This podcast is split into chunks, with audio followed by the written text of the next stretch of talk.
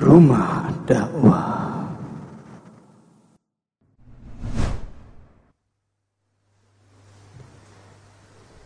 Ya. Bismillahirrahmanirrahim.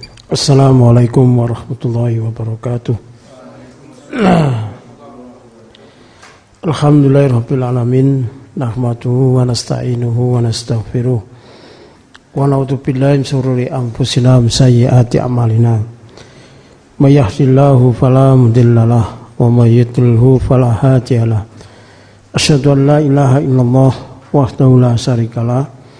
wa asyhadu anna Muhammadan abduhu wa rasuluhu la nabiyya Muhammad wa alihi wa sahbihi wa man tabi'ahum bi ihsan ila yang dirahmati Allah. Alhamdulillah, alhamdulillah binikmati tatimus solihat. Bila puji kita aturkan kepada Allah Subhanahu wa. Dengan segala nikmatnya Allah sempurnakan semua hal yang sudah baik. Kita mensyukuri adanya kajian-kajian yang sudah diberikan oleh beliau Kiai Haji Khaliful Hadi yang Masya Allah yang luar biasa yang memberikan pencerahan yang banyak sekali untuk kita semuanya berupa kaidah-kaidah bagaimana seharusnya kita meninggalkan menjauhi maksiat yang maksiat itu bisa memberikan dampak eh, kesengsaraan yang abadi penderitaan yang hakiki nerakanya Allah Subhanahu wa taala.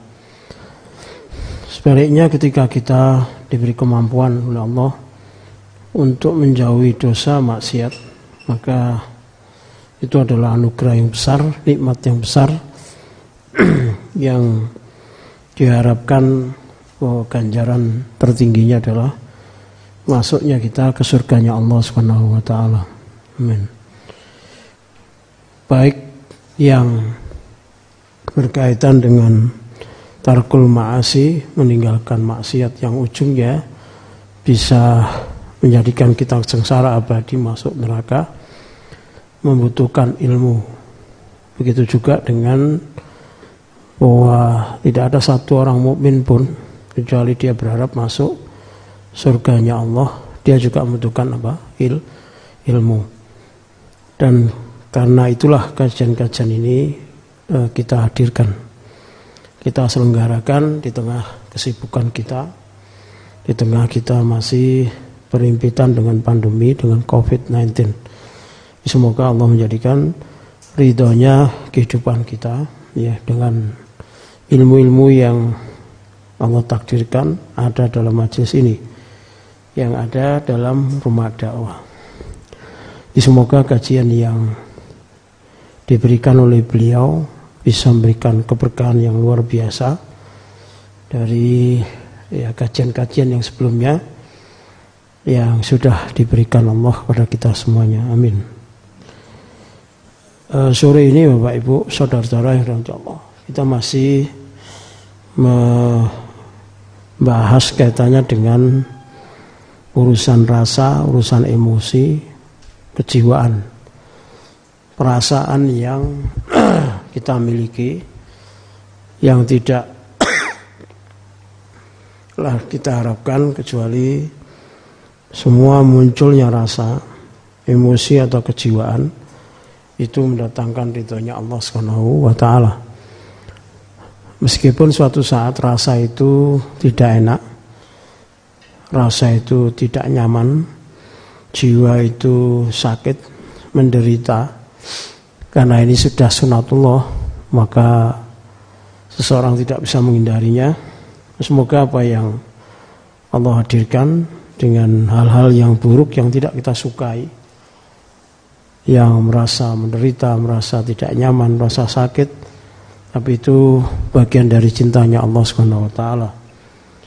Menjadi ridhonya Allah pada kita karena Allah Maha tahu yang terbaik untuk hambanya termasuk hikmah-hikmah musibah yang Allah hadirkan sesuatu yang tidak kita sukai menimpa diri kita Jadi kita mulai belajar dewasa memahami perasaan, memahami emosi, memahami jiwa. Kadang yang tidak enak itu justru malah lebih bagus. Lebih bisa mendewasakan, lebih bisa membuat kita kuat. Yang tidak enak itu harus kita lalui sebagai syarat seorang imannya kuat. Kadang yang tidak enak itu harus kita lalui untuk menggapai dua kemudahan. Innamal usri yusra. Ada dua kemudahan yang Allah janjikan yang itu tidak mungkin kita dapatkan kecuali kita harus menghadapi al-usru kesulitan. Bapak Ibu saudara-saudara yang Allah sebagaimana analog yang dibuat oleh Imam Ibnu Qayyim yaitu ahli tanaman yang suatu saat uh, kesannya melukai, kesannya menyakiti, kesannya justru malah merusak. Ada batang yang dipotong, ada ranting yang harus di hilangkan, ada daun, ada buah yang dikurangi. Bahkan terkadang tanaman itu harus ditahan dari air, tidak diberi air. Bahkan tidak sedikit ya dahannya harus di apa e, lukai sedemikian rupa untuk kebaikan yang ia pahami sebagai seorang ahli. Itu juga Allah swt dalam hidup Maha tahu. Allah adalah ya'lam. Wallahu ya'lam wa antum la ta'lamun. Kaidahnya bahwa Allah Maha tahu apa yang terbaik untuk hambanya. Yang kalau kita pahami maka kita akan selamat. Dan Allah Maha tahu yang terbaik bahwa dalam hidup ini selalu ada sini berganti rasa yang terkadang nikmat, terkadang juga sebaliknya eh, kita harus menahan getirnya ujian cobaan.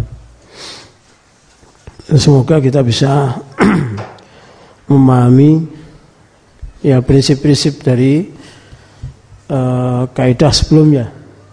Di antaranya adalah innal abda idza alima anal makruh qad ya'ti bil mahbub bahwa seorang hamba hendaknya tahu terkadang apa yang tidak enak, apa yang kita tidak sukai, yang kita tidak nyaman, al makruh yang kita menderita mungkin ya kot yati bil mahbub.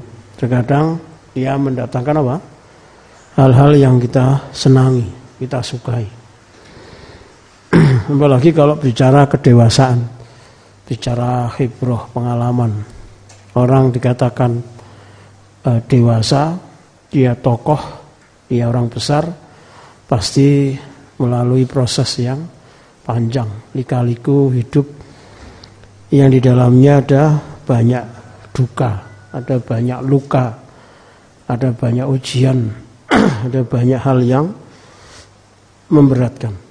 Begitu juga Rasulullah Sallallahu Alaihi Wasallam, meskipun seorang Rasul yang utama, yang keutamanya tidak bisa ditandingi oleh Nabi dan Rasul sebelumnya, bahkan saking agungnya Rasulullah SAW,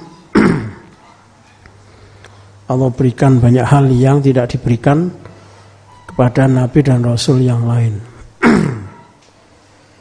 Tapi toh ya setinggi itu derajatnya Rasulullah SAW bahkan pernah terluka, pernah harus giginya patah, pernah harus mengalami kesedihan yang panjang.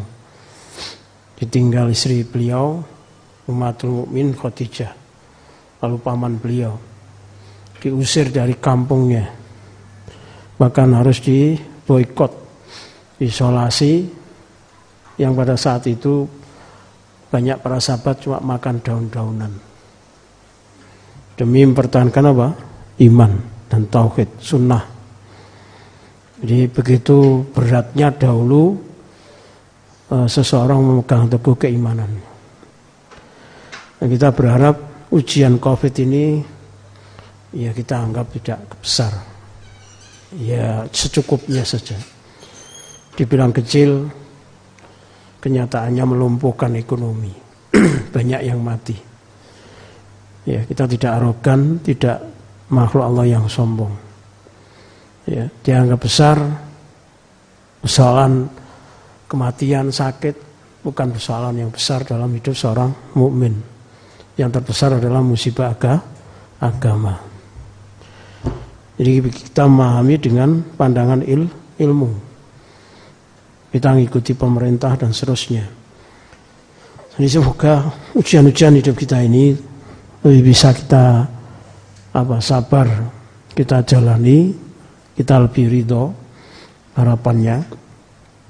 Karena ujian Rasulullah dan para sahabatnya dan umat-umat terdahulu jauh lebih berat dibandingkan kita. Salah satu nikmatnya ilmu dan ilmu itu salah satunya adalah tahu banyak tentang ujian yang menimpa umat-umat terdahulu termasuk para nabi dan rasulnya adalah membuat apa pembanding antara kita saat ini dengan umat-umat terdahulu. Banyak di antara kita ini mentalnya rapuh, lemah itu karena merasa paling berat diuji. Paling berat apa? Diuji. Karena dia tidak punya tolok ukur. Karena imannya lemah. Kalau iman lemah itu ya pasti sedikit saja ujian terasa apa? Ber, berat. Beda dengan umat-umat terdahulu. Dan itu sudah berapa kali kita bahas. Kita singgung paling tidak.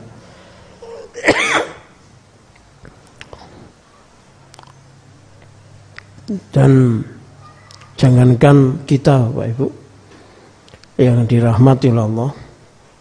Kalau kita melihat Rasulullah SAW dan para sahabatnya saja sudah berat. Apalagi yang sebelumnya diuji jauh lebih berat sekedar mengingatkan makna dari surat apa? Al-Buruj. Kalau hafal dan tadabur suratnya bagus. Itu kalau membaca surat ini itu tahu diri untuk tidak berkeluh kesah. Hmm. Ini kalau hatinya bersih loh ya. Hatinya bersih, punya ilmu, jadi tidak hanya sekedar membaca. Jadi bacaan itu memberikan asar pengaruh, rasa. Kalau baca surat itu, maka sudah pantasnya kita ini malu. Ya, kalau mengeluh itu malu.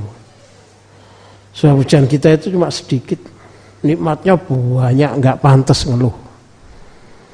Dibandingkan dengan apa? Dulu kau mempertahankan apa? Imannya harus dilempar ke kobaran api. Ya. Lalu Allah abadikan dalam surat apa? Al-Buruj. Al-Buruj. Ya. Itu penting. Ya. Jadi tidak hanya membahas COVID saja, tidak membahas melemahnya ekonomi duit saja, tapi yang lebih penting, lebih besar persoalan itu ini persoalan agama. Karena agama itu wa ismatun amrina, perkara puncak kita puncak dari perkara hidup adalah perkara agama. Dan uh, Ustadz Khaliful Hadi sudah membahas banyak tentang hal itu. Betapa dunia ini remeh, remeh sekali. Karena itu yang remeh, yang hina ini jangan diangkat, jangan dilebihkan. Karena itu dosa.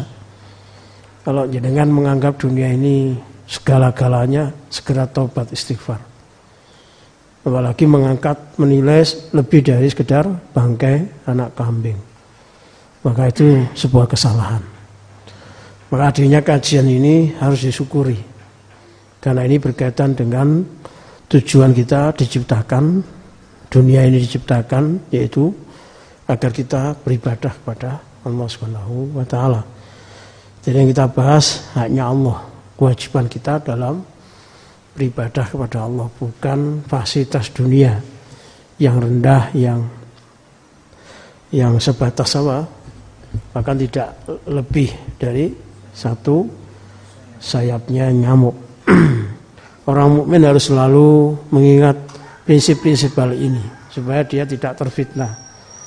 Supaya kalau dia mendapatkan bagian dari dunia dari bangkai anak kambing dari tidak lebih sekedar satu sayapnya nyamuk tidak terlalu bahagia disyukuri biasa saja bahkan menghadirkan apa? Rukunnya syukur kemarin. Sebaliknya jika tidak mendapatkan ya biasa saja. Tapi kalau kehilangan apa? Ketaatannya misalkan sholat terlambat itu harusnya yang nangis itu yang sedih. Itu yang seharusnya dirasakan dan itu ada pada pembahasan kita dalam kitab Wabilus Sayyid. Jadi, atau ada dalam kitab Fawaidul Fawaid. Ciri atau ada dalam kitab Ego Satu Lafan. Ciri hati yang apa? Salim.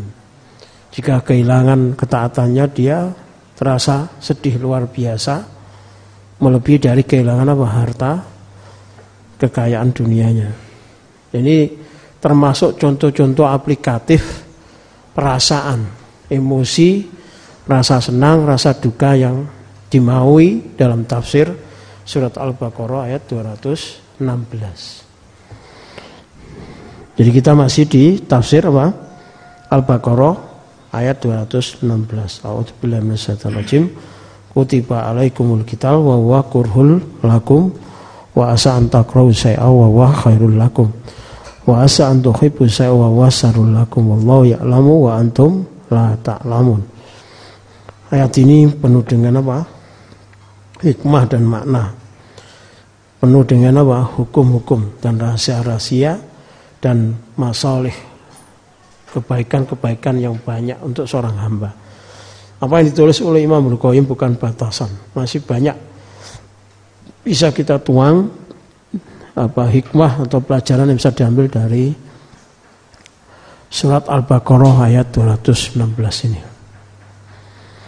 Jadi Bapak Ibu Saudara yang Allah kita coba tuntaskan eh, apa namanya rahasia maupun kebaikan kemaslahatan dalam ayat-ayat eh, dalam ayat 216 ini.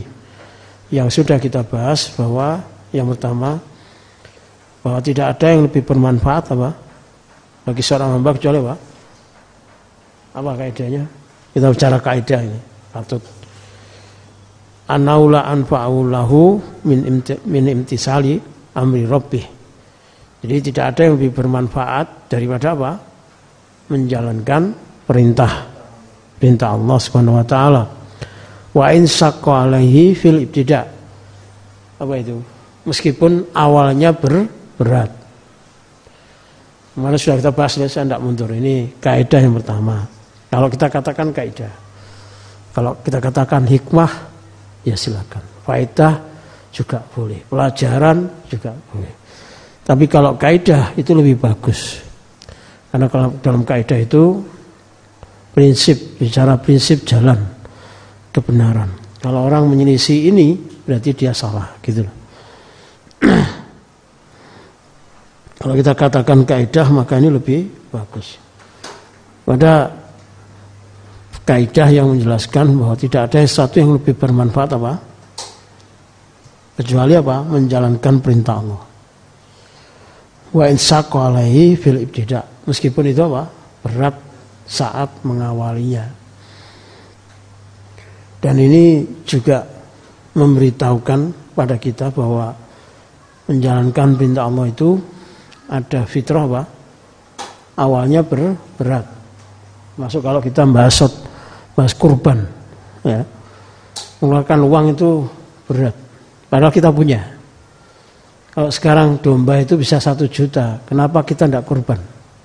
Padahal kita punya. Padahal kita pu punya. Jadi kadang salah di situ. Ya, wa insyaqa alaihi fil tidak padahal itu akan dilipat gandakan. Ya. Bahkan itu menjadikan harta kita ber, berkah. Tapi kita lebih banyak apa? Nerima. Padahal kita bi, bisa, seharusnya bisa. Nah ini yang harus kita ambil pelajarannya. Li'anna awakibu, awakiba kulaha, kulaha khairat. Karena seluruh dari perintah Allah itu kesudahannya apa? Baik. Wa membahagiakan. Termasuk korban itu. Ya. Seolah-olah kehilangan uang satu juta. Satu juta. Nggak usah yang mahal-mahal. Domba itu bisa satu juta. Salah apa? Merugikan. Tapi sekali lagi itu hanya tampilan di awal. Kayak kayak oh, kita keluar hilang uang. Kumpulkan susah gitu ya. Lalu bahasanya setannya itu kan kok enak? Cuma saya kasihkan.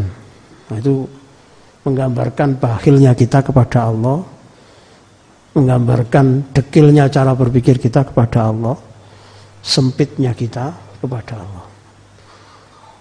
Termasuk minal asas termasuk asas kemarin yang dibahas oleh Ustaz Khalif kalau membangun ibadah itu bukan dari ibadahnya tapi pondasinya asasnya ma'rifatullah bil asma wa sifat. Jadi memahami Allah tentang apa? Nama-nama dan sifat-sifat Allah. Allah itu Ar-Razzaq, Al-Manan. Jadi Allah itu maha rezeki. Lalu Allah Allah kasih hambanya. Terus dicowakal terus. Ini kan dekil tentang Allah. Karena itu orang kayak gini tidak akan bisa apa? Banyak beramal. Kenapa begitu? Karena sempitnya keimanannya kepada Allah. Tidak luas. Khususnya dalam memahami raja rezeki. Padahal harta kita yang sesungguhnya itu justru yang kita korbankan. Para ulama di antaranya Imam Qayyim. Misalkan kita sodakoh satu juta di awal bulan Dhul Hijjah atau di bulan Dhul Hijjah di hari-hari di mana e, korban itu disembelih. Jadi tanggal berapa? 10 Dhul Hijjah, lalu 11, 12, 13. Yang mutasrik. Ada orang sodako satu juta dengan korban senilai itu. Dombanya jauh di bawah apa? Nilai korban. Jadi korban itu lebih utama dibandingkan sedekah. Kenapa? Karena saat itu diperintahkan untuk apa? berkorban di hari yang uta, utama. Para ulama sepakat bahwa kurban itu nilainya jauh lebih besar dibandingkan saudara sodako. Bahkan dalam hadis yang lemah itu sebutkan tidak ada yang lebih mulia di sisi Allah kecuali orang yang mengalirkan darah sebelum sampai netes ke tanah yaitu kor korban. Karena itu Rasulullah SAW pun memberikan contoh berkorban dengan dua kibas. Jadi Bapak Ibu saudara kita Allah. Uh, betapa penting kita ini apa? Mengarahkan hati yang di dalamnya membahas rasa itu ke Allah. Ya. Dan khusus dalam jalan perintah karakternya apa?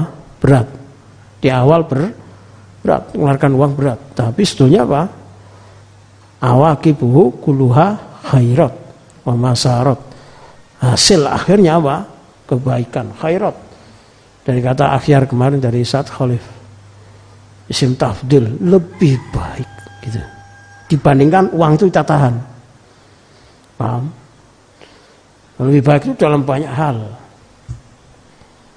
Ya. Belum lagi balasan dilipat gandakan, dibalas lagi dan tidak pernah harta itu ketika kita korbankan di jalan Allah itu berkurang. Mana kosot min malin sotakotun. Jadi tidak pernah apa sotako itu mengurangi har, tapi kita kan apa? Kecil iman, nggak berani. Mampu ditumpuk di ATM. Dipikir itulah substansi ridhonya Allah. Tidak, tidak bisa. Di tengah banyak orang apa? Uh, terkena dampak COVID seperti ini yang punya uang ini diuji sama Allah. Harusnya kita berlomba-lomba apa? Memberi rasa bahagia dengan kurban itu. Harusnya tambah kurbannya lebih banyak. Kenapa? Karena yang kaya masih ada, masih banyak. Ya. Bahkan di antara jamaah, di antara umat Islam ini masih banyak yang punya aset, punya uang. Taruhlah Bapak Ibu, kalau ternyata Allah memberi satu kesempatan sebelum kita wafat, amalan itu mau diambil benda. Lalu setelah itu kita mati. Coba bayangkan. Siapa yang bisa menjamin setelah itu Adha kita hidup? Lalu sang kita mana? Bahkan kalau seandainya kita hitung-hitungan beli pulsa, itu bisa dibelikan untuk apa? Bisa beli itu apa? Kambing. Kalau mahasiswa itu mau ya dengan kehebatan imannya dia tahan, tahan pulsa, dia bisa beli apa? kambing. Nah, berapa jumlah uang yang digelontorkan untuk pulsa? Banyak. Betul? Nah itulah iman. Ya. Karena itu kenapa kita rankingnya 14. Tahu ya? Iman kita itu di situ. Ya. Beda dengan di masa Rasulullah dan para sahabatnya. Di situlah kita harus apa? memperhatikan keimanan kita. Kalau ternyata masih selemah itu, maka harusnya kita apa? Ya takut dan harus kita sedih dan kita harus berpikir panjang. Kalau ternyata kita masih senilai itu keimanannya. Bagaimana nanti kita ya membawa diri perjalanan yang abadi dengan bekal yang tidak banyak walazat wa afroh karena kesudahan dari menjalankan perintah Allah apa? Kelezatan dan afroh. Kebahagiaan yang paling bagi bahagia. Afroh. Lagi-lagi pakai isim tafdil. Sesuatu yang paling membahagiakan adalah menjalankan perintah nah bisa berkorban itu luar biasa. Itu. Kalau nggak bisa harus ada yang harus dijual, dijual nggak apa-apa. Kalau harga kurban itu domba itu hanya satu juta. Satu juta kalau uang sekarang itu tidak banyak, cepat berkumpul. Maka seharusnya kita berlomba-lomba untuk apa? Membawa perasaan segenap emosi jiwa kita ke arah bagaimana kita menjalankan perintah Allah Subhanahu wa taala. Wa in hu nafsuhu. Meskipun jiwa itu membencinya. Dan ingat Bapak Ibu, karakter sur, surga diliputi dengan apa? Minal makruhat, sesuatu yang dibenci oleh ji, jiwa. Sebaliknya neraka dibenci, diliputi oleh minal mahbubat, sesuatu yang ia sukai. Bahwa khairul laha wa anfa. Bahkan dia itu kata Imam Nukaim ditegaskan berulang-ulang ya di awal. Menjalankan perintah Allah itu khairun laha. Yang terbaik, jauh lebih baik dari apa pun nilainya ya, kecuali orang itu mampu menjalankan perintah Allah.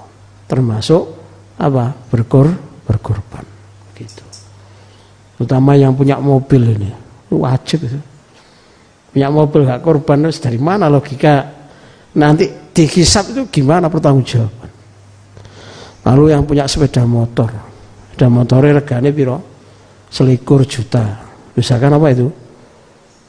Vario yang terbaru. Apalagi sepeda motornya harganya apa? Puluhan juta. Sampai 50 juta. Na'udzubillah. Rumah tingkat itu mesinnya harus sodak, harus kur, korban. Rumah tingkat gak korban itu ngenes batinnya. Kecuali kontrak korban. Rumahnya tingkat, aduh memalukan. Mohon maaf ya, saya katakan memalukan. Kalau satu juta saja tidak bisa keluar untuk berkorban. Cuma satu juta loh. Cari domba itu harga paling rendah itu. Ini punya mobil, rumahnya tingkat, korban sak juta, ngelus dada. Kok mau wadit banget. Ada Bapak Ibu, saudara yang Allah, piaraan itu, piaraan itu ya. Misalkan koi. Koi nilainya piro itu? Loh, jutaan. Burung, perawatannya, ayam. Kalau itu saja kita keluarkan uang banyak, masa loh, lihat begitu kenemenan gitu. kebangetan karena itu Rasulullah mengancam ya pelaku-pelaku orang yang seharusnya bisa berkorban lalu tidak berkorban nah, ini kembalinya pada keimanan kita masing masing-masing itulah ya. Kadang harta itu tidak berkah dari sini sebabnya. Ya bukan karena Allah mendolimi bukan. Karena banyaknya kesalahan yang kita laku, lakukan. Wa anfa dan sesuatu yang paling wa kadzalika la alaihi manir takaba manhi. Begitu juga tidak ada sesuatu yang lebih membahayakan kecuali orang yang mengikuti larangan menerjang larangan. Wa in hawai wa in huyat nafsu meskipun senang jiwanya itu wa malat ilai condong kepadanya. Wa ana kibaha kulaha alamun wa akzanun wa sururun wa masaib jadi larangan itu kalau dikerjakan maksiat itu bahasa Ibnu Qayyim alam satu yang menyakitkan pasti ngantri nunggu. Cepat atau lambat wa akzan satu yang sangat menyedihkan paling menyedihkan. Wa sururun kejahatan. Wa masoib bencana musibah. Karena itu kita terapkan kaidah pengobatan kita di RSCM di klinik. Syarat utama berobat harus tobat dan dipastikan maksiat. Dipastikan maksiat. Enggak terima betul minggir kenapa begitu karena enggak ada yang maksum hatta kiai gus ustad kalau hadir di kita kita bimbing arahnya ke sana pasti dosa. Apalagi membahas apa? Isrun qaidatun fitarkil ma'asi kemarin Ustaz Khalif. Kalau kita ikuti kita ini dosa tok. Ya kan gitu kan? Berdosa tok. Nah, apalagi begitu kok berobat memandang dirinya suci itu dari mana? Is dari mana kalau susah diterima keilmuan syar'inya. Wa khasatul akal tahamul alam al yasir lima yu'akibu min ladzatil azim wa khairul kasir wastinabul ladzatil yasira lima yu'akibu min al alam al azim wa sarrul tawil. Wa khasatul akal ya orang yang berakal khususnya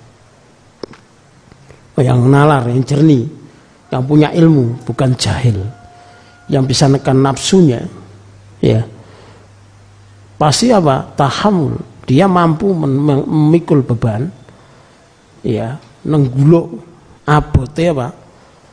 Sakit yang sebentar, alamul yasir, menahan diri mengekang maksiat, jiwanya tekan itu abot. Tapi yasir cuma pendek. Ya, pendek Lima yu'akibu min ladatil atimah. Ya, demi berharap apa? Kesudahan yang besar, kelezatan yang besar, ladat azimah yang besar dunia maupun akhir akhirat. Tahan nafsu, tinggalkan maksiat sebentar, yasir. Kenikmatannya pun juga sedikit, sesaat. Ya, untuk apa? Berharap kenikmatan yang abadi, kelezatan yang sangat besar dunia akhirat. Hidup diberkahi itu kunci utama yang diimpikan orang mukmin. Baik dia itu miskin maupun kaya. Kaya tidak diberkahi musibah dok, ruwet dok, hidup tidak bahagia. Miskin diberkahi seolah-olah seperti orang kaya. Ya. Dan berkah itu ciri dari kita bisa apa? Meninggalkan kemaksiatan. Dampak dari meninggalkan maksiat adalah berkahnya hidup. Ya, keberkahan hidup itu bisa diperoleh dengan apa? Meninggalkan maksiat. Orang yang ber, berakal, berpikir jernih, berilmu, mending hidupnya apa? Penuh dengan keberkahan. Ditahan tapi berkah.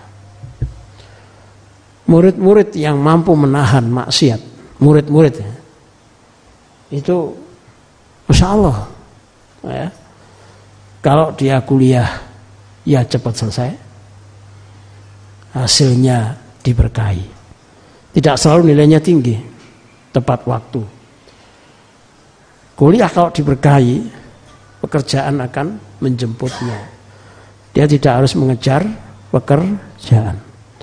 Bahkan sampai jodoh pun Allah hadir, hadirkan. Berkah hidup. Itu yang dicari. Pinter, nilainya tinggi, belum tentu cepat lulus. Belum tentu tesis selesai cepat, skripsi tepat, bisa molor. Ya. Dan lulus pun belum tentu langsung ada keberkahan dengan kelulusannya lalu dijemput dengan pekerjaan apalagi bicara jodoh bicara jodoh pun juga bicara keberkahan jodohnya soleha atau soleh itu pengaruh dan semua kebaikan ini di tangan Allah bukan di tangan hambanya. Dan Allah akan berikan bagi orang yang mampu menahan maksiat itu. Ya. Itu artinya Bapak Ibu ketaatan ini mempengaruhi masa depan seseorang. Hidup di dunianya maupun di akhiratnya. Kalau kita berpikir tentang apa? cita-cita, maka cita-cita itu diberkahi baik dunia dan akhirat bergantung dari apa? Jauhnya seorang dari maksiat. Insyaallah. Bodoh, tidak pinter, tapi berkah. Itu masya Allah membahagiakan, gitu loh. Bodoh, tidak pinter, tapi dia ahli taat. Dia jauhi maksiat, maka hidupnya akan berkah. Berkah itu kalau sekarang beruntung. Ya. Wal khairul al kasir. Ya. Orang yang berakal mampu memikul menahan kebaikan yang banyak, memikul apa?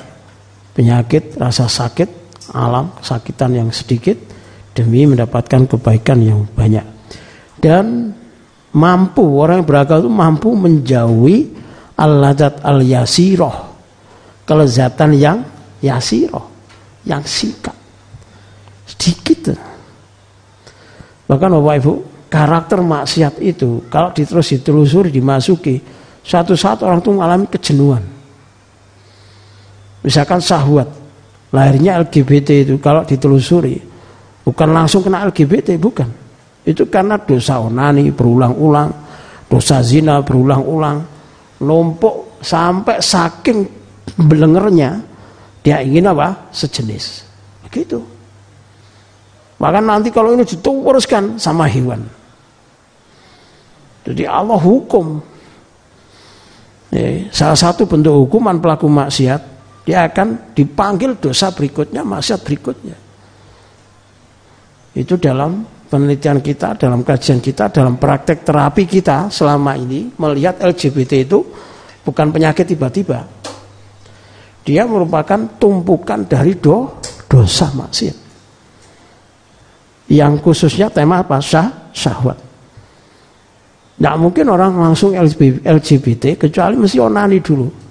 Dosa ini mesti ditempuh dulu. Kecuali memang sebagian dari pelaku LGBT itu karena perlakuan yang salah sejak lahir.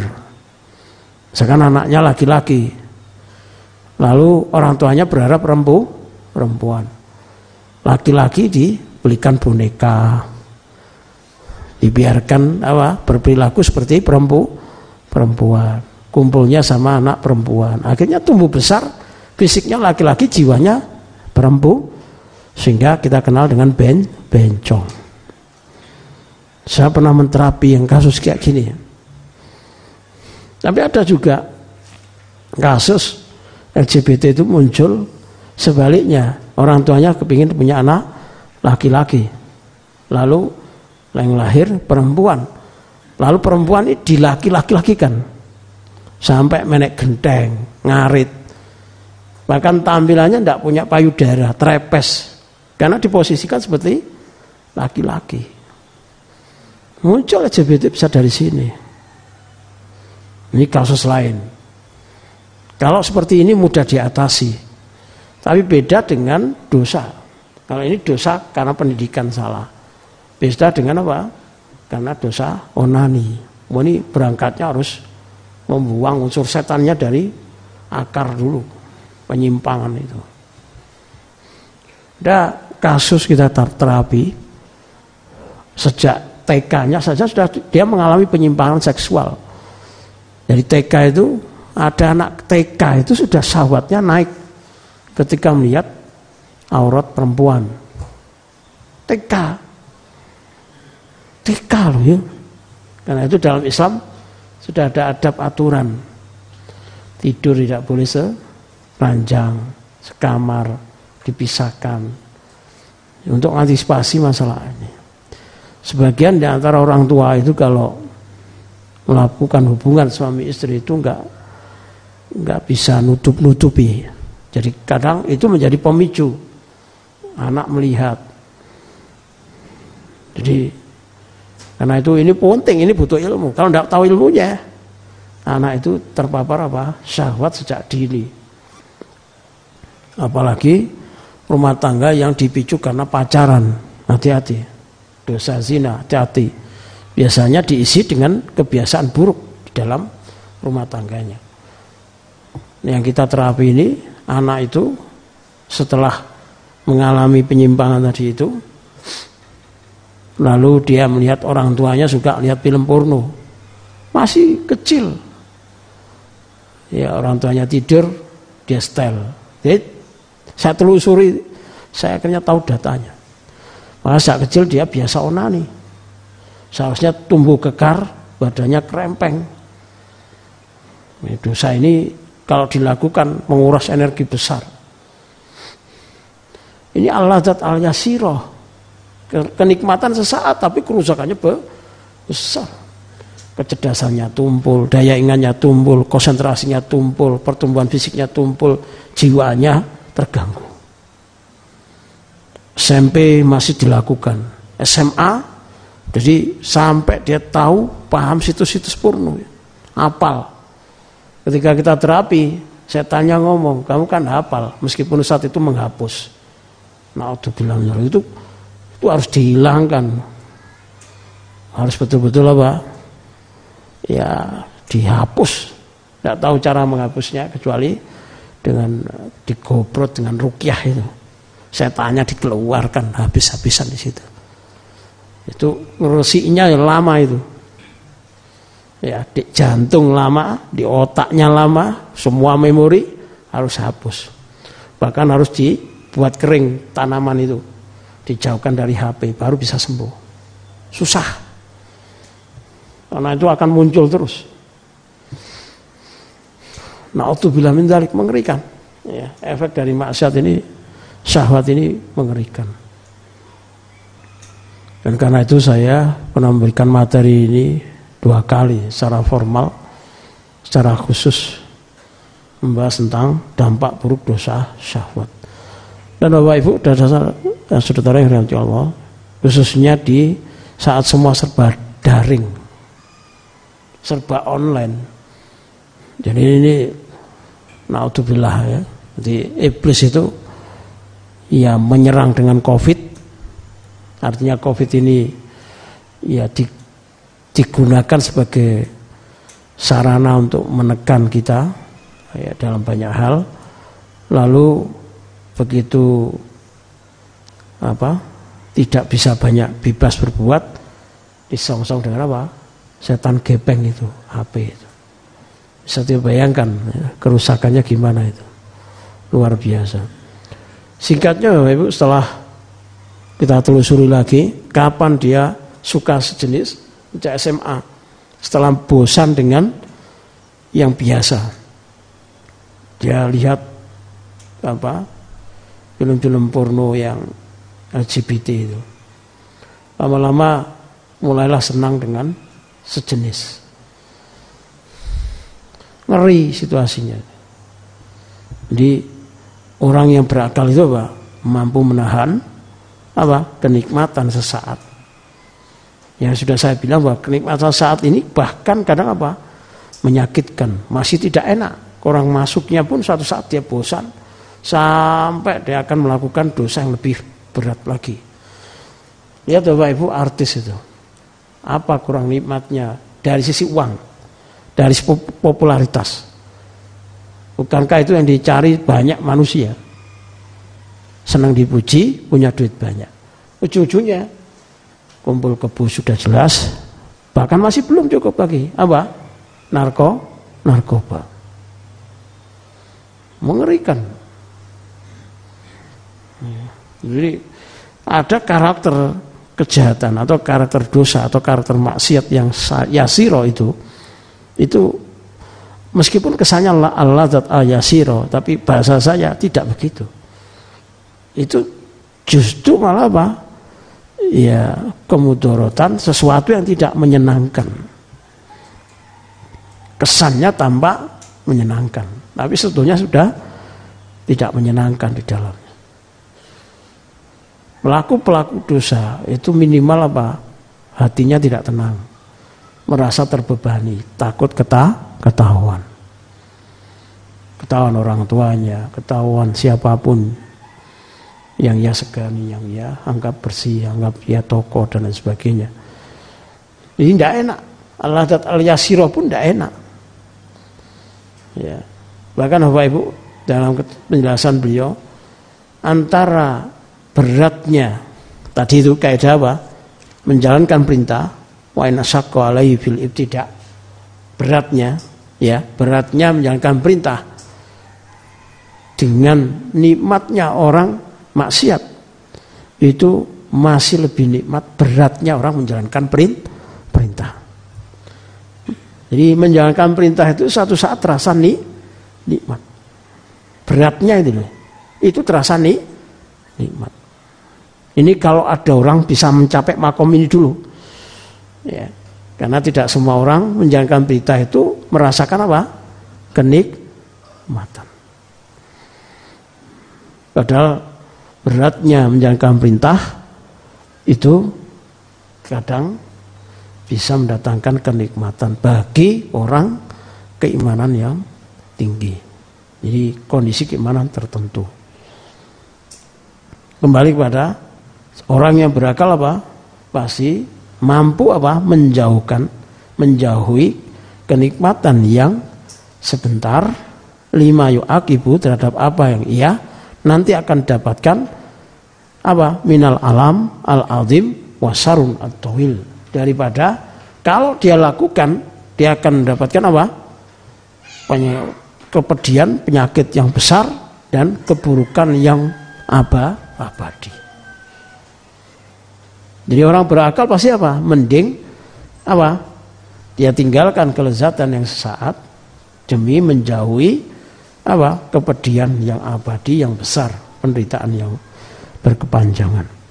Panadrul jahil la yujawizu al mabadi ila ghoyatiha. Orang bodoh itu nggak mampu menembus di balik ini. Dia hanya lihat penting enak. Dia tidak mampu bisa menembus 2, 3, 4, 5, 6, 7 ke belakangnya. mampu. Kenapa kok tidak mampu? Karena Allah tutup. Kenapa Allah tutup? Karena dampak dari maksiat. Jadi akan terjadi apa? Dialog. Perbuatan dosa itu kembalinya ke mana keburukannya? Pada dirinya. Wen asatum bala. Keburukan itu kembali orang melakukan dosa, maka keburukan dari dosa itu kembali ke siapa? Dirinya. Di antara tumpukan dari pelaku kemaksiatan ini apa? Tidak mampu menembus. Otaknya ini ditutup sama Allah. Antara hati sama Allah ada hijab. Bukan jahil-jahil bodoh, bukan. Ya. Prefrontal korteknya itu menjadi rusak. Dia tidak bisa membedakan mana baik, mana buruk. Berteman dengan siapa yang baik, yang buruk tidak bisa membedakan itu. Fanadrul jahil la yujawizu al mabadi. Dia tidak mampu menembus apa yang terjadi kesudahan ujungnya. Kemarin sudah saya bahas semua ya. Baik, sekarang saya melanjutkan dari kaidah yang belum. Di antara kaidah dari Al-Baqarah ayat 216 Annau idza wafado ila rabbihi wa ridho bima yaktaruhu yaktaruhu lahu amadahu bima yaktaruhu lahu bil quwwah alaihi wal azimah was sabru sarfu anhu al afat alatiya apa aradatun ikhtiyari al abdi li nafsihi. Jika seorang hamba ini menyerahkan perkara kepada Allah ingat ya jadi diserahkan perkara itu kepada Allah orang kok disi gak seneng mas nggak senengnya ini nggak dicocokkan dengan maunya Allah Semoga nggak seneng. Datang perintah wah jihad, tidak mau, perang tidak mau. Berarti dia akan menyerahkan masalah ini kepada siapa? Kepada Allah. Artinya pada saat perintah kita perang, contohnya di ayat ini, turun, seharusnya seorang hamba itu apa? Mencocokkan dengan maunya Allah. Karena itu termasuk kaidah dari ayat ini, hendaklah seorang seorang hamba itu anau idza fafado fawado jika dia mampu menyerahkan ila robbi kepada Tuhannya. Ida apabila dia mau berserah diri kepada Allah. Warido dan ridho bima yaktaru hu lahu dengan pilihan Allah kepada dirinya amatahu Allah akan bantu gitu loh jadi menjalankan ibadah perintah itu yang dibutuhkan apa? Manut, tunduk. Oh. Meskipun itu berat. Karena berat setelahnya itu ditolong oleh Allah. Ini pernah terjadi dialog dengan jin. Waktu rukyah kesurupan. Jin tidak mau masuk Islam. Karena Islam itu terlalu banyak aturan. Dan menjadi kaidah Bapak Ibu kalau kita bisa mendakwai mereka dan dakwah itu atas nama Allah dan Rasulnya dan ketika Allah ridho maka perhatikan dampaknya ketika jin itu membantah saya tidak mau masuk Islam karena Islam itu banyak aturan lalu saya jawab begini ini loh contoh makhluk yang tidak ngerti ajaran Islam karena sampean berada di luar Islam. Sehingga sampean tidak bisa memahami Islam. Dalam Islam itu seorang mukmin tidak bisa menjalankan perintah kecuali ditolong sama Allah. Jadi tidak mengandalkan dirinya.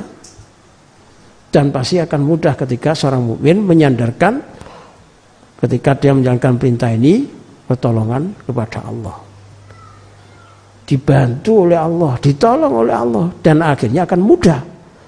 Orang mukmin justru malah senang dengan diatur oleh Allah sebab dari situ dia akan selamat. Kurang lebih seperti itu saya balas. Langsung dijawab apa? Ya kalau gitu saya mau masuk Islam. Itu.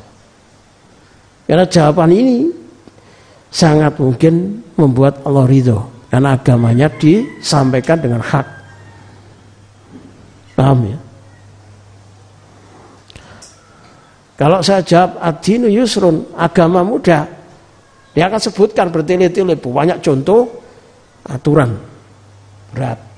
Mana mudahnya? Paham? Tapi saya jawab bahwa orang mukmin itu kalau menjalankan perintah bukan mengandalkan dirinya, dia akan minta tolong pada Allah. Tidak ada satupun perintah bagi diri orang mukmin untuk bisa menjalankan kecuali dia butuh taufik ditolong oleh Allah. Karena itu kalau sampai belum masuk Islam, sampai lihatnya begitu. Kalau sudah di Islam, kita akan tahu bahwa kita itu bisa menjalankan ketaatan semata-mata karena ditolong oleh Allah. bukan karena kemampuan diri kita. Dan enak. Alhamdulillah, itu masuk Islam. Sama Bapak Ibu ya. Jadi ayat 216 itu itu mengajarkan betapa kita itu harus menyerahkan semua masalah kepada Allah dan ridho terhadap pilihan Allah. Sekarang apa yang dipilihkan oleh Allah dalam hidup ditakdirkan oleh Allah, terima. Manut, tunduk. Jangan tapi. Jangan koma. Masalah jangan. Ya sudah itu itu menggambarkan apa? Tidak ada keridhaan. Roti itu billah birobba. Apalagi rob kemarin kan sudah diterjemahkan. Makna rob. Ya kan gitu kan.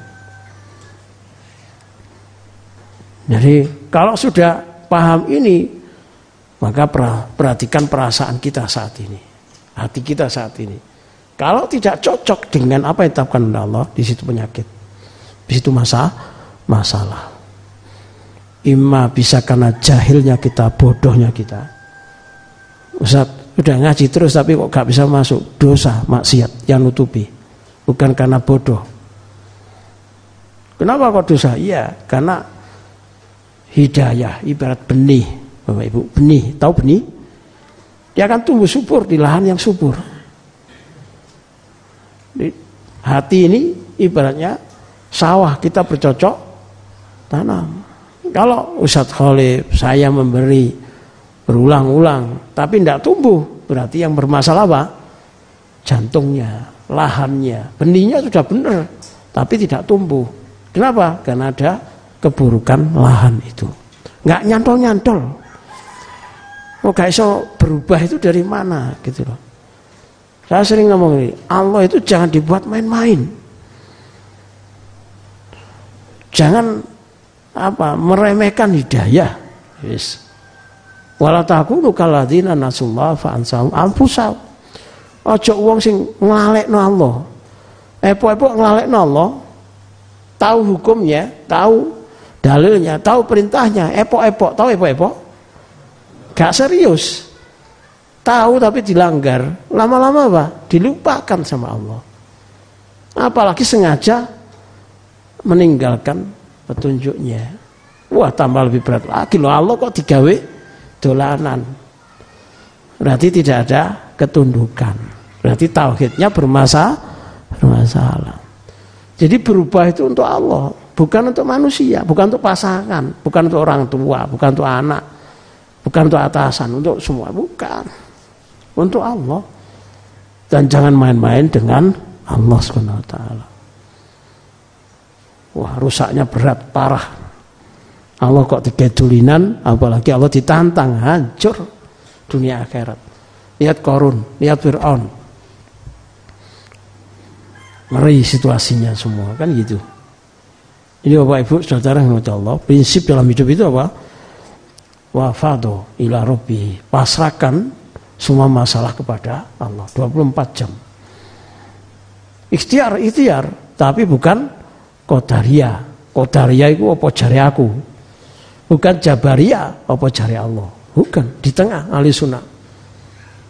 Ya ikhtiar, ya berusaha.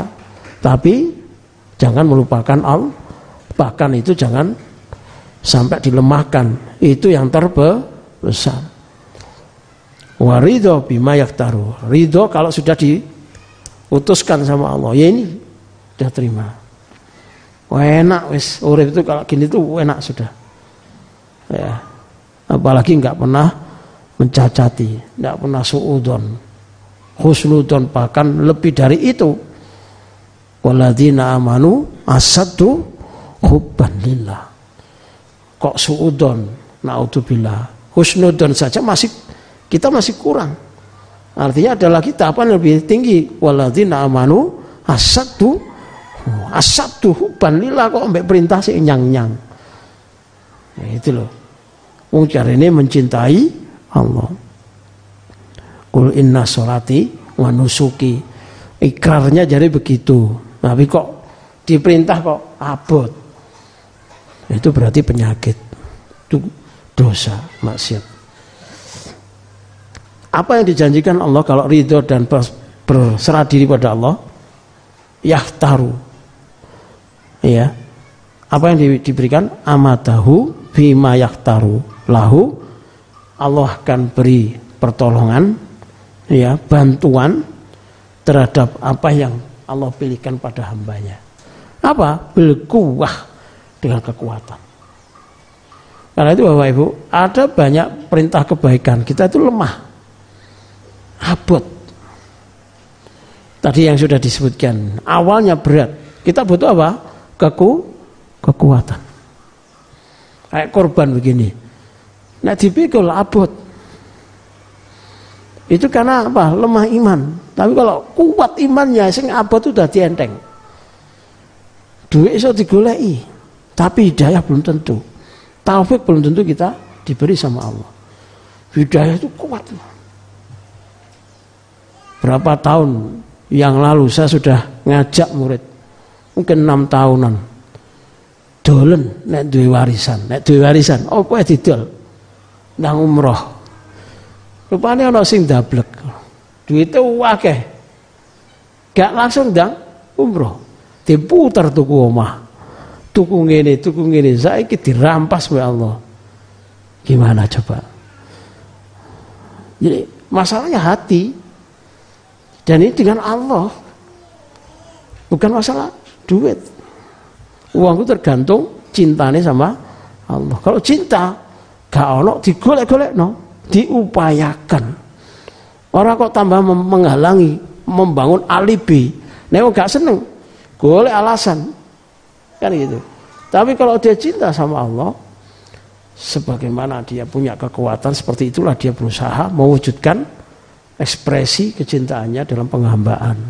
Sekuat tenaga dia akan laku lakukan. Kalau itu membuat Allah ri, ridho, dia akan lakukan.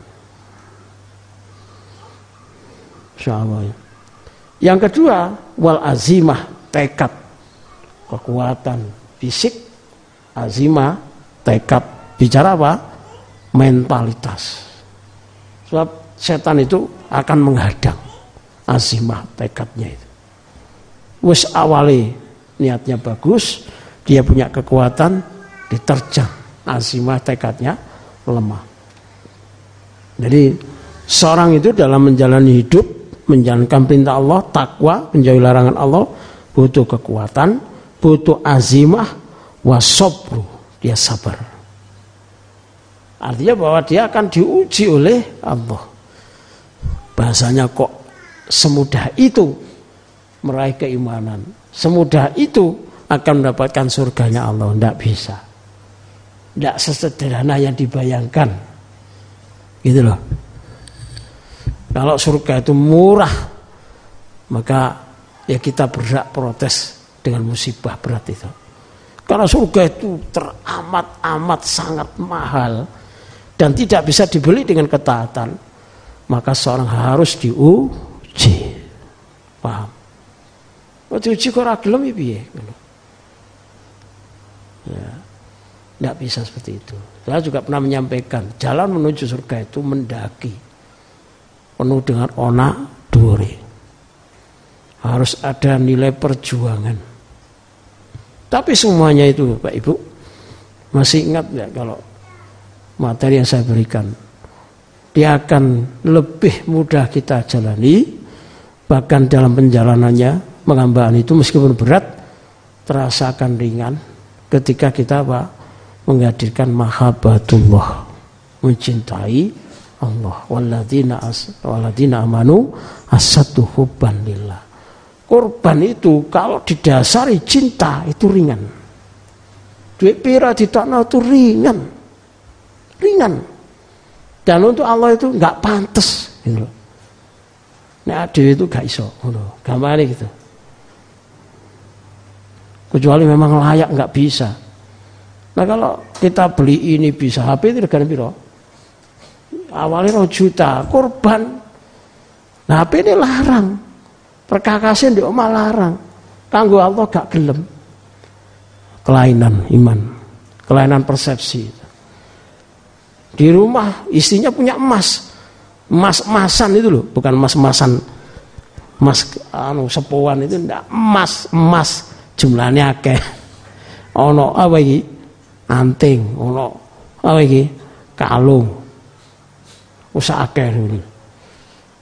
Cemrentel. Turung warisane, turung anu. Sedekah ra iso. Aduh. Jungkel gimana. Mohon maaf ya. Jungkel. Enggak layak bicara mengatakan apa? Walladzina amanu asatu hubban lillah. Padahal cuma korban duit, dan dia dipanggil ji, jihad kita eh, tambah mengkot. Kalau kenyataannya seperti itu wajar, ringkingnya ringking 14. Is, gak langsung jekekal. Kalau orangnya hidup langsung jekekal. Tangi melek you know. Jenggirat, sadar dapat taufik. Iya iya, kenapa aku kok orang menginginkan yang terbaik untuk Allah. Toh ini untuk Allah dan untuk saya sendiri. In aksantum santum li anfusikum. Di tangan di atas itu lebih mulia. Itu menggugah keimanan itu. Di mana rela apa tempat kita berkorban? Ujian untuk berkorban untuk mencinta Allah di mana letaknya? Contohnya dalam hidup itu mana? Kalau cuma penghambaan ya yang selama ini mungkin tidak mengeluarkan uang. Kalau korban itu berarti apa? Diuji masalah finansial keuangan. Bahkan Bapak Ibu saudara yang dimuti Allah, ketika orang itu mencintai Allah, dia pasti bisa ditunjukkan jalan bagaimana dia bisa berkorban. Sekarang bisa nabung. Nabung bisa. Sebagaimana apa ada orang dipanggil oleh Allah pergi ke tanah suci hanya sebagai pemulung. Tadi saya bilang murid saya yang bukan pemulung duitnya akeh. Sampai itu koma barang itu kupiro ya kadang pebisnis itu otak itu apa tujuh turunan. Alhakumut takasur. Iki durung kok ngene kok ngene ya Allah. Ya sebelum terlambat. Wasobru Allah akan berikan apa? Kesabaran. Kenapa? Karena menjalankan perintah itu berat. Begitu juga menjauhi larangan. Lalu wasorfu anhu al afat alatiya arodatul ikhtiyaril abdi dia akan dipalingkan, dihindarkan dari kesalahan, kekonyolan, kebinasaan. Akibat kalau dia milih sendiri tanpa Allah.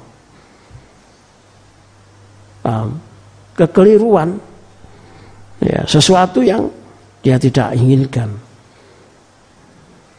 Loh, kok ternyata begini?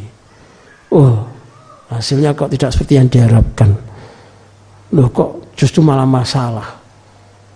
Kapan itu? Ketika Allah tidak diikut sertakan dalam pilihan. Mengandalkan diri sendiri, tidak minta bantuan, ngeyel dengan pilihannya. Nah, orang yang apa? masrakan diri pilihannya kepada Allah, dia juga ikhtiarnya didasarkan kepada Allah, lalu ridho terhadap keputusan Allah, dia akan dihilangkan dari apa? kesalahan seperti ini. Termasuk apa? Dihindarkan, dipalingkan dari apa? Kekeliruan pengambilan keputusannya atau ikhtiarnya. Jadi Bapak Ibu yang terakhir ini menuntut untuk semua masalah kecil maupun besar hendaklah kita memohon petunjuk kepada Allah. Jangan mengandalkan diri sendiri. Tolong ya.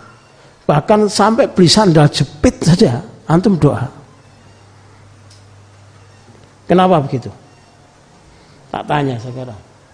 Tuku sandal jepit tuh, kenapa? Antum harus doa. Ayo. Tidak apa-apa, ayo coba. Aku ora nunjuk-nunjuk kayak Ustaz Khalif. Sing gelem ayo, ayo. Kenapa tuku sandal jepit tuh butuh donga? Wis gak. Tuku berambang. Tuku lombok. Wis tuku kerupuk. Wis luwih murah mana? Kerupuk lho regane ngono Kenapa kita harus berdoa mohon sama Allah? Apa? Ada manusia penuh dengan kelemahan. Kenapa harus berdoa? Urusan ruweme, pol. Nah ya, karena harus berdoa, kajak dia dibalik. Begini Bapak Ibu, antum satu masalah kecil, tapi ditinggal sama Allah. Paham? Dengan satu masalah kecil, selalu ingat Allah, pilih mana? Sama, hidlan, penelantaran. Karena itu Rasulullah tidak mau sekedap, sekedip itu loh. Saketipan lipat tidak mau ditinggal sama Allah. Ini bukan masalah kecilnya. Masalah ditinggal oleh Allah. Paham? Bukan kita meninggalkan Allah, kita ditinggal oleh Allah. Bukan kita meninggalkan Allah. Kita ditinggal oleh Allah. Hmm.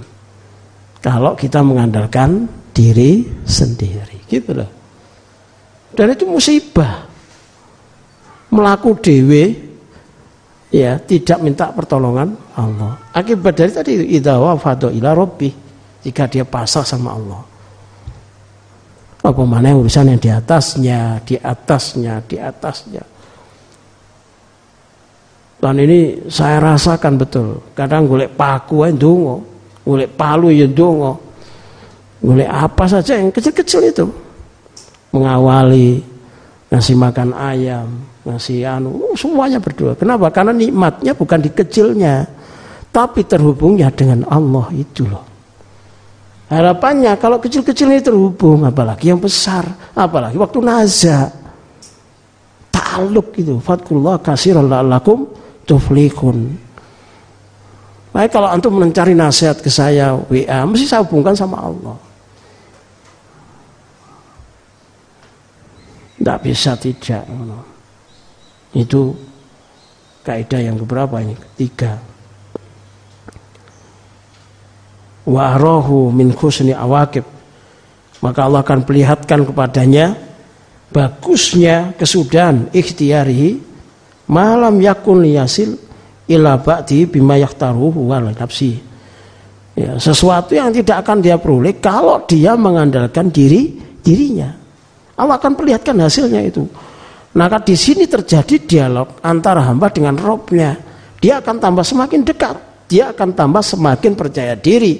Doanya akan diijabai. Dan dia akan tahu itu. Dia butuh pengalaman spiritual itu. Butuh rasa di situ.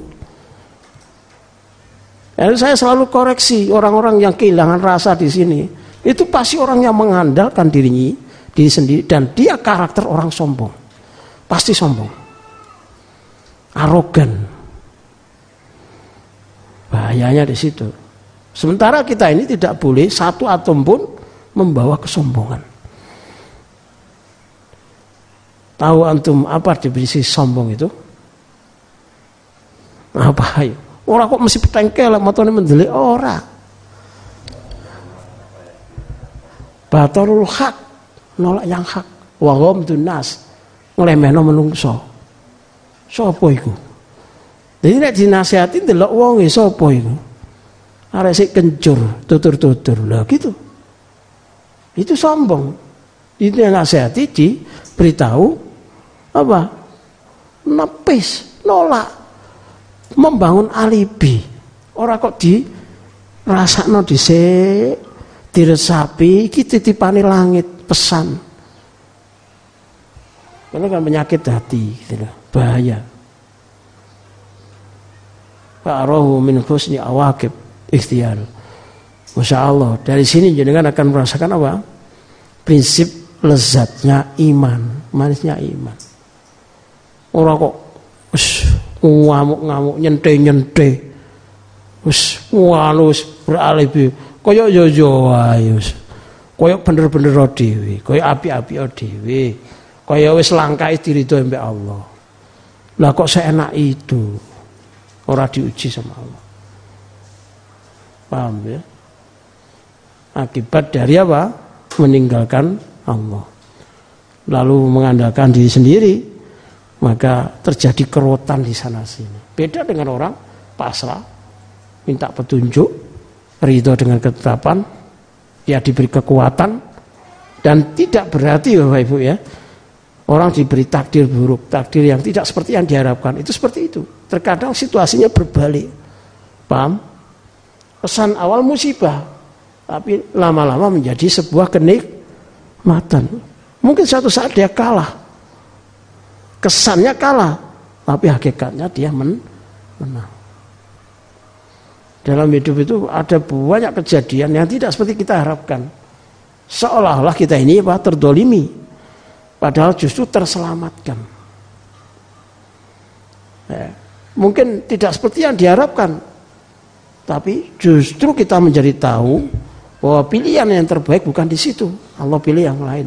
Allah hadirkan yang lainnya. Jadi orang mukmin itu apa selalu mencintai Robnya, bukan lagi berpikir positif. Mencintai Robnya, di atas berpikir positif. Paham? Di atas berpikir positif itu apa? Mencintai Robnya. Karena itu Rasulullah SAW ketika kalah dalam perang Uhud tidak menyalahkan sahabatnya, tidak juga mengeluh, tidak langsung ngumpat, tidak mencari siapa yang harus dikambing hitamkan ini gara-gara sampean gitu enggak. Karena cinta Rasulullah tidak mengeluarkan semua kalimat yang itu menodai, merusak kadar apa? Ridhonya Allah kepada dirinya atau Rasulullah kepada Allah Subhanahu wa taala. Nerimo. Itu luar biasa. Sangat luar biasa. Dari sini Bapak Ibu, lagi-lagi betapa pentingnya il, ilmu. Membangun rasa, ya, menjalankan rasa, emosi, kejiwaan, itu sesuai dengan syariat Allah. Sesuai dengan apa yang dimaui oleh Allah Subhanahu wa taala. Misalkan suasana dingin Malang. Ya. Itu khasnya orang bangun malam makan su susah. Karena dingin, mau menyentuh air su susah. Tapi kalau dia tahu di balik dingin itu ada banyak kebaikan besar yang Allah hadirkan, yang Allah berikan dibanding situasi normal, pasti dia akan mau menjalani. Hatta mandi pun dia akan mau. Akan segar, akan fresh, awet muda, penyakit keluar, setan keluar, sihir keluar, brol. Karena dibalik berat itu justru keutamaan. Bedanya dengan orang yang imannya biasa-biasa. Oh. Tak dunung ini sih kerung tangi wangi ya kebawacut. Berarti selama ini kita masih berada bergerak di pencitraan. Ketoke wong soleh tapi ora. Sebab kalau orang itu mencintai Allah, gak peduli situasi di dingin, dia akan terjang. Karena itu nikmat. Dia terasa sekali, dia kenali Allah di balik dinginnya cuaca. Dingin. Bahkan mendesain dingin di Malang itu bukan wilayah kita. Ini takdir Allah. Antum pingin dingin supaya palanya besar, gak iso. Dia datang di bulan-bulan tertentu di luar itu ya gak bisa untuk dinginkan cuaca. Mana dingin? Pas semangat imannya tidak bisa. Sekarang Allah hadirkan dingin. Tapi justru di situ terkandung apa? Kebaikan yang besar. Dari mana kita bangun kaidah ini? Dari kitab Soyib. Di situasi ibadah normal akan berbeda nilai palanya dengan abnor, abnormal. Jauh. Di sinilah bedanya keimanan yang tinggi maupun yang rendah yang lemah.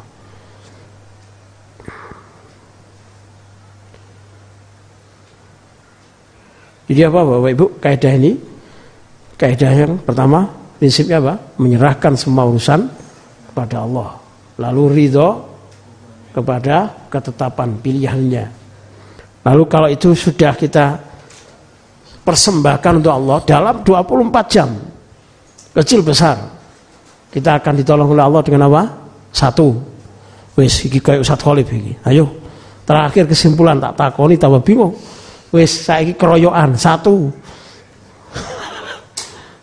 Lu kok rido? Wis Hah? Nyambung. Apa mau? Ayo.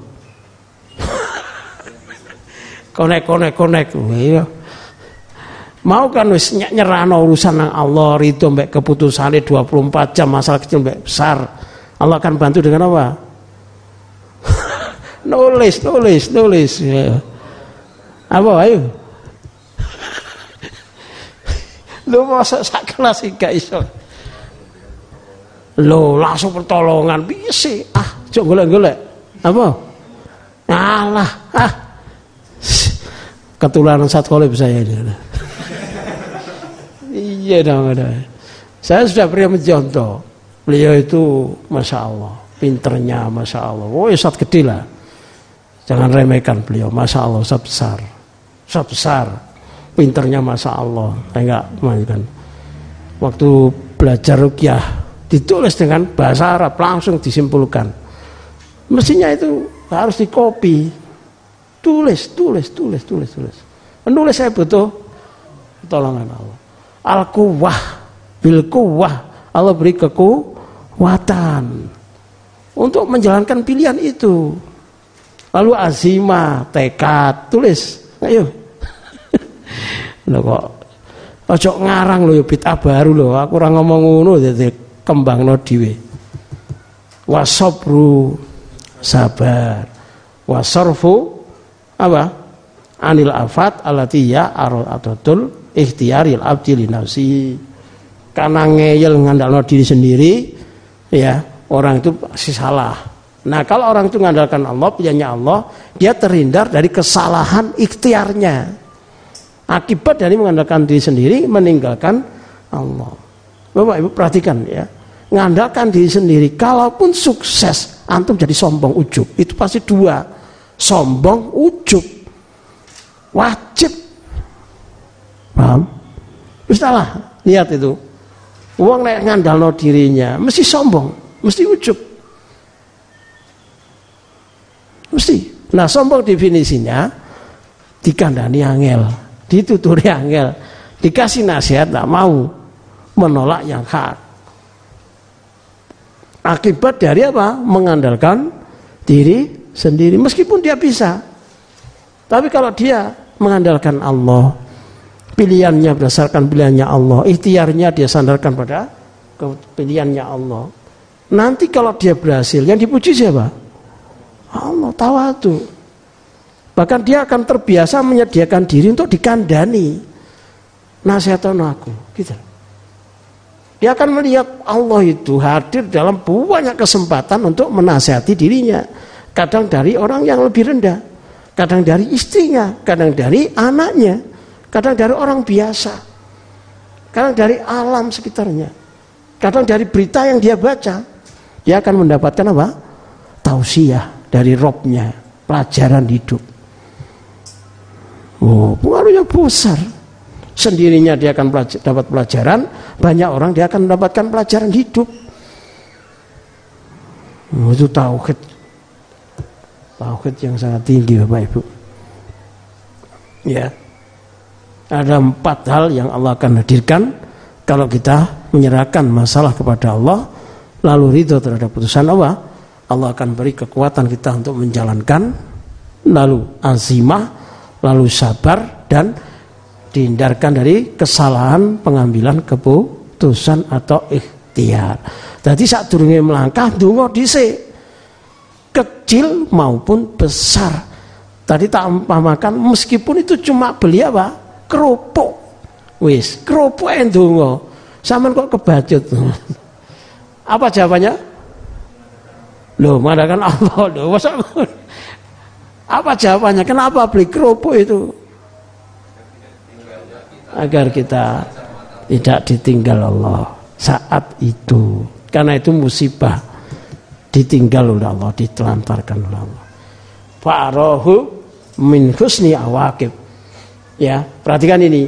Jadi menembus benteng kejadian, kasus perkara, keseharian 2, 3, 4, 5 itu setelah kita apa berhasil menyerahkan semua urusan kepada Allah, ridho dengan ketetapan, diberi kekuatan empat, baru fa'arohu maka Allah perlihatkan min husni awakib balasan kesudahan bagusnya. Dadi dulu dawa. Korban misalkan satu juta, telan. Orang yang ngerti Allah itu mesti ngerti. Min husni awakib. Paham maksud saya? Hmm, mikir.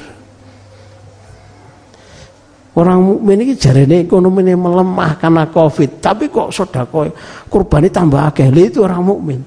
Karena tidak mengandalkan diri sendiri. Ya saya orang pirang dino, cukup gak golek duit satu juta. Nek njaluk tolong Allah Subhanahu wa taala. Masa tak mahasiswa bisa, nggak ada masalah. Sebab yang memberi rezeki bukan orang tuanya, tapi Allah termasuk kita yang terkesan tidak mampu. Kalau ada tekad ini, ada taufik ini, pasti Allah akan beri. beri. Teko endi? Teko kuatin niat, azam, tekad, tidak mengandalkan diri sendiri, memohon pertolongan Allah Subhanahu wa taala. Wallahu alam bisawab. Itu saja Bapak Ibu, saudara-saudara yang dirahmati Allah mudah-mudahan bermanfaat ya.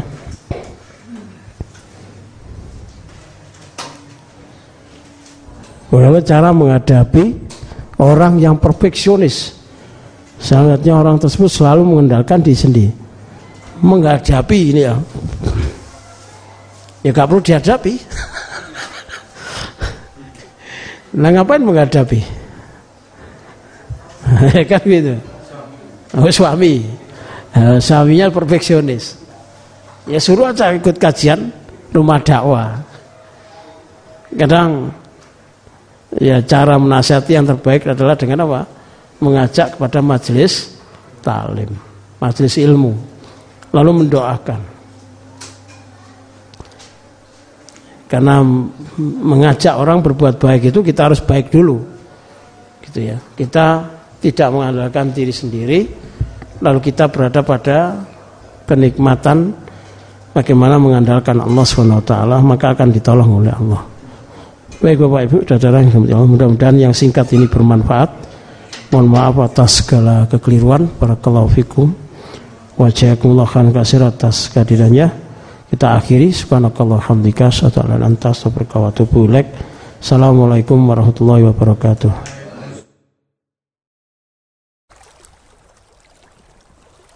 Rumah dakwah.